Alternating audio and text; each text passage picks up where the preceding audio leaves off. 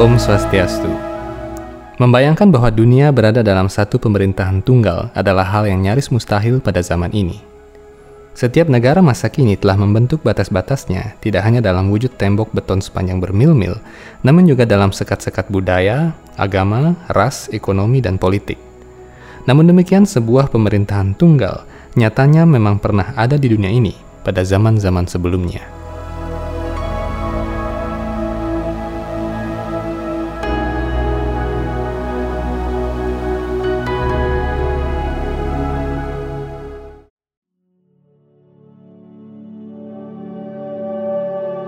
Sejak awal ciptaan, masing-masing planet di alam semesta memiliki seorang pemimpin, termasuk bumi. Oleh karena itu, dari zaman ke zaman, bumi dikenal oleh para penduduk planet-planet lain dengan nama-nama berbeda.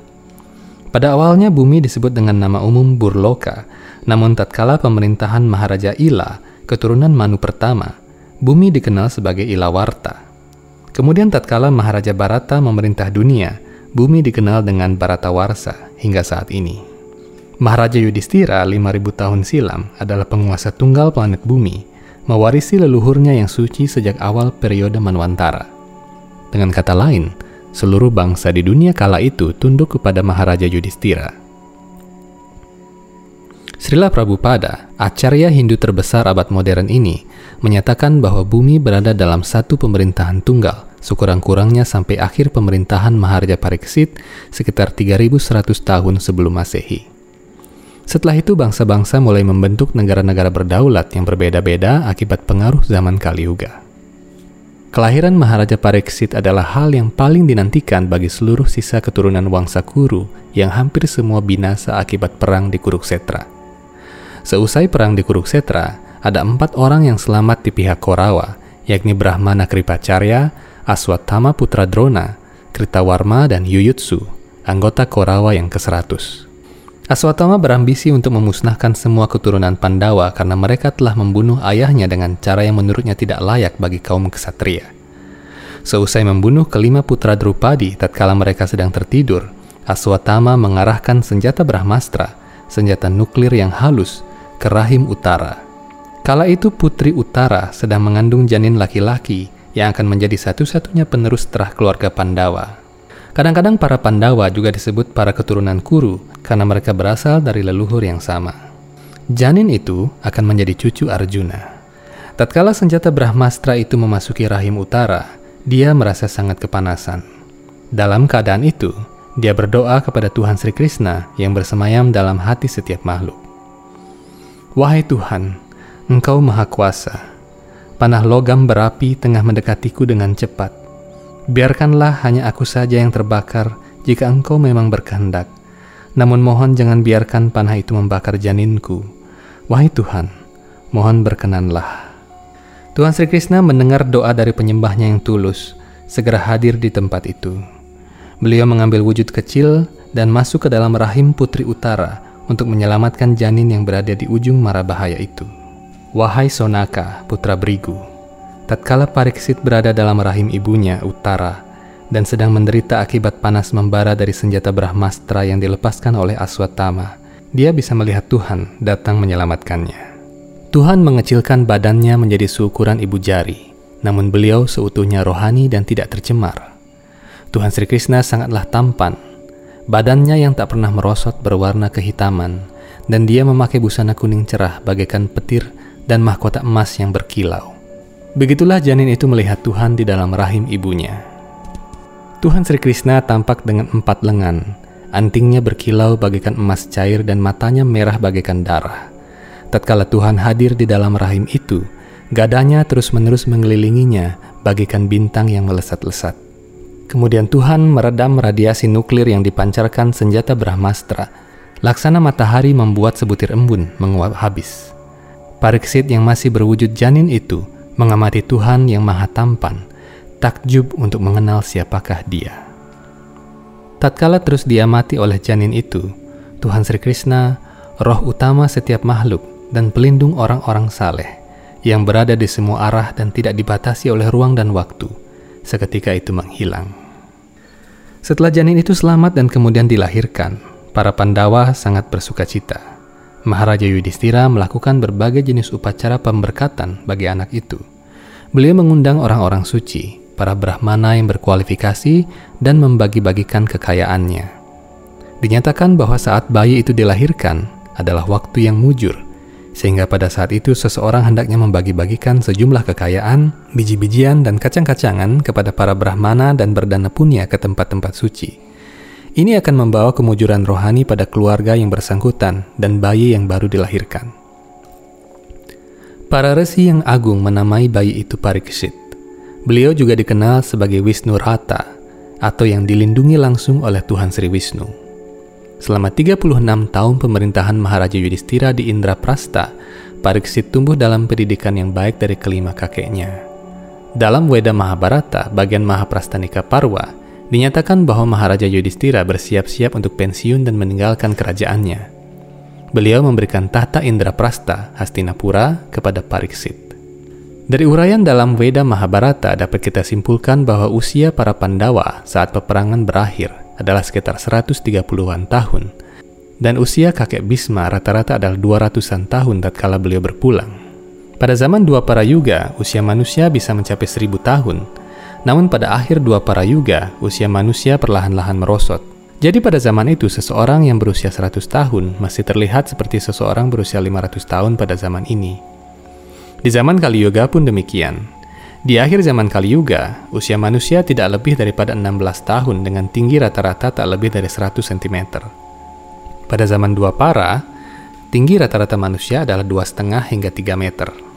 Demikianlah setelah kelima Pandawa mengasingkan diri ke hutan dan kembali ke dunia rohani, Pariksit mengambil tanggung jawab sebagai penguasa dunia. Dalam Mahabharata disebutkan, setiap jengkal tanah dan laut di planet bumi adalah wilayah kedaulatannya. Kemasyurannya sama dengan Maharaja Ikswaku, keturunan Manu ketujuh, penguasa dunia di zaman sebelumnya. Panji-panjinya berkibar di seluruh dunia. Semua bangsa tunduk kepadanya dan aturan-aturan Dharma Sastra yang murni dan suci. Tidak ada manusia yang mengalami kekurangan pangan saat dia memerintah. Karena beliau secara konstan melangsungkan berbagai macam yadnya kepada Tuhan, tidak ada penyakit di seluruh dunia saat itu. Tidak ada manusia yang mati secara tidak wajar tidak ada kejahatan. Iklim menjadi stabil dan setiap musim terasa sama sejuknya. Tidak ada panas membara dan dingin yang ekstrim. Demikianlah efek-efek mujur yang terjadi secara fisik apabila Tuhan dan para dewa berkenan pada suatu negeri. Tuhan dan para dewa akan berkenan apabila pemimpin suatu negeri selalu mengutamakan keselamatan para brahmana atau orang suci, anak-anak, wanita, orang lanjut usia, dan melindungi sapi. Apabila hal ini dilakukan, tidak diragukan lagi, suatu negara pasti damai dan sejahtera. Jika saja Maharaja Pariksit pada saat itu langsung memenggal kepala iblis Kali, maka zaman Kali Yuga ini tidak akan terjadi. Sejarah ini harus diketahui oleh seluruh umat Hindu khususnya, dan umat manusia pada umumnya, agar tidak mudah terpengaruh oleh hoaks yang berusaha memutar balik kebenaran sejarah. Bagaimana Maharaja Pariksit bertemu dengan kepribadian Kali adalah awal mula kemerosotan yang terjadi di zaman ini. Setiap agama memiliki kisah mengenai setan atau iblis yang membangkang dari perintah-perintah agama. Iblis menyesatkan manusia untuk ingkar dari kewajiban agamanya dan menyeret manusia ke dalam berbagai macam perbuatan berdosa. Dalam Veda, sosok yang disebut-sebut sebagai setan atau iblis itu disebut Kali. Kali ini berbeda dengan Dewi Kali, istri Dewa Siwa. Kitab suci Weda menyebut bahwa kali adalah akar semua perbuatan berdosa, dengan perawakan hitam bagaikan arang bercampur minyak dan berbau bagaikan tikus yang busuk. Suatu hari Maharaja Pariksit tengah mengadakan inspeksi ke wilayah-wilayah kerajaannya. Saat itu beliau tengah melewati lembah sungai suci Saraswati di wilayah Punjab kini. Beliau melihat seorang lelaki hitam berpakaian seperti raja sedang memukul kaki sapi jantan. Tiga kaki sapi itu tengah ambruk di bantai. Seekor sapi betina menangis di sampingnya. Tatkala lelaki hitam itu berniat meruntuhkan kaki terakhir sapi itu, Maharaja menghentikan kekejamannya dengan sebuah raungan kemurkaan yang tiada tara. Dalam percakapan Maharaja Pariksit dengan lelaki hitam itu, terungkaplah bahwa lelaki legam itu adalah kepribadian Kali, penguasa zaman kemerosotan yang kini melanda dunia. Maharaja menghunus pedangnya bersiap memenggal kepala iblis Kali yang menjadi akar segala perhara dan perbuatan berdosa di zaman Kali Yuga. Maharaja Pariksit berseru, Kini untuk pertama kalinya dalam sejarah dunia yang sejak dahulu kala dipimpin oleh lengan-lengan perkasa ksatria kuru, dipimpin oleh lengan-lengan perkasa ksatria kuru, aku melihat sapi-sapi menderita. Kemudian beliau bersiap memenggal kepala iblis kali itu yang hitam bagaikan arang. Melihat kemurkaan Maharaja Pariksit yang adalah penyembah Tuhan yang murni, iblis kali sumber dari semua perbuatan berdosa, gemetar ketakutan. Dia berkata, Wahai Maharaja, ampunilah hamba. Tidak patut bagi seorang raja kesatria keturunan Wangsa Chandra untuk membunuh musuh yang tidak bersenjata dan memohon belas kasihan. Kemudian kali, iblis yang licik itu memohon pengampunan di kaki Maharaja. Dia meminta empat tempat sebagai tempat tinggalnya. Maharaja Pariksit kemudian berkata, Wahai keturunan Adharma yang jahat, aku memberimu empat tempat untuk kau tinggali. Engkau boleh tinggal di tempat pelacuran, di tempat perjudian, di rumah jagal, dan di tempat minuman keras. Karena itulah keempat tempat ini, yaitu tempat pelacuran, tempat mabuk-mabukan, perjudian, dan rumah jagal hewan, disebutkan sebagai empat sarang dosa bagi manusia. Keempat tempat ini telah menciptakan sebuah vicious cycle atau lingkaran setan perekonomian yang menjerat masyarakat dalam tata dunia yang ambruk, namun sangat sulit untuk diberantas. Walaupun pada zaman Weda, para ksatria diperbolehkan memakan daging, Weda sama sekali tidak pernah memperbolehkan adanya rumah jagal. Para ksatria di zaman lampau memakan hanya daging yang murni. Ini disebut medium. Daging yang murni hanya boleh didapatkan dengan cara berburu saja, tidak dengan cara lain. Daging seperti ini disebutkan sebagai daging yang murni pada zaman Weda, dan hanya daging semacam itu yang layak dipersembahkan dalam upacara-upacara Weda. Hanya para ksatria yang diperbolehkan membunuh binatang di hutan karena mereka harus mempraktikkan ilmu militer demi melindungi warga negara. Oleh karena itu, apabila seorang ksatria tidak melakukan penebusan dosa melalui yadnya sesuai prosedur yang benar, dia pasti jatuh ke neraka akibat dosa-dosa membunuh binatang semasa hidupnya. Aturan-aturan semacam ini dilupakan pada zaman Kali Yuga, dan oleh sebab itu, umat manusia menganggap bahwa dia bisa membunuh makhluk lain sekendak hatinya tanpa menghiraukan prinsip-prinsip kitab suci. Bahkan Maharaja Dhritarashtra harus menderita kehilangan putra-putranya lantaran dosa di kehidupan masa lalunya. Di kehidupan sebelumnya, dia telah membakar sebatang pohon yang dihuni oleh sepasang burung yang beranak seratus. Dengan demikian, di kehidupan selanjutnya, Raja harus merasakan akibat karmanya dengan kehilangan seratus putranya. Iblis kali lalu berkata, Wahai Maharaja, kasihanilah hamba. Keempat tempat itu tidak ada dalam kerajaanmu. Bagaimana hamba bisa tinggal? Maharaja Pariksit menjawab, Aku memberimu satu tempat lagi. Di mana ada emas yang ditimbun, di sanalah engkau boleh tinggal. Di mana pun ada emas, di sana ada kesombongan, mabuk-mabukan, nafsu, iri hati, dan kedengkian. Kali yang licik itu tersenyum girang lalu pergi untuk mulai menyesatkan orang-orang di zaman Kali Yuga. Akan tetapi kitab suci Weda menyatakan bahwa selama Pariksit menjadi kaisar dunia, tidak ada sedikit pun kesempatan bagi iblis Kali untuk menyebarkan pengaruhnya. Namun demikian, waktu terus berjalan. Atas aturan dan kuasa Tuhan Sri Krishna yang Maha Perkasa, iblis Kali yang licik itu diizinkan masuk ke dalam mahkota emas milik raja. Kemudian raja suatu ketika bepergian ke asrama Resi Samika. Beliau meminta sedikit air untuk menghilangkan dahaga, namun Resi Samika sedang kusuk bermeditasi sehingga tak mendengar seruan raja. Raja akhirnya mengalungkan bangkai ular ke leher resi itu sebagai ungkapan kejengkelan. Resi Samika tatkala terbangun dari meditasinya menyadari apa yang terjadi. Beliau mengetahui bahwa Maharaja Parikesit yang adalah penyembah murni Tuhan tidak patut disalahkan Sebab apabila raja yang semulia itu disalahkan, maka seluruh dunia akan menanggung akibat yang tak terperikan. Seorang raja yang murni, perkasa dan saleh seperti itu tidak pantas dihukum dan dikutuk hanya karena melakukan kesalahan yang sangat sepele. Resi Samika berpikir, apabila raja sampai tiada, maka kali akan dengan mudah menguasai bumi. Sayang sekali putra Brahmana itu, yakni Seringgi, tidak bisa mentoleransi perbuatan raja pada ayahnya. Tanpa mempertimbangkan sebab akibat, dia mengeluarkan sebuah kutukan agar Maharaja Parikesit meninggal digigit ular taksaka dalam waktu tujuh hari. Maharaja Pariksit mendengar kutukan itu, membalas dengan hal yang tak terduga. Beliau tak merasa sedih sedikit pun. Malah, beliau sangat bersuka cita. Beliau berkata, Keberuntungan apakah yang lebih besar selain mengetahui bahwa diriku akan mati dalam waktu tujuh hari lagi? Dengan ini aku bisa sepenuhnya meninggalkan kehidupan duniawiku dan tekun memikirkan tentang kaki Padma Tuhan Sri Krishna. Demikianlah akhirnya Maharaja Pariksit yang suci itu bersumpah untuk berpuasa hingga ajal menjemput.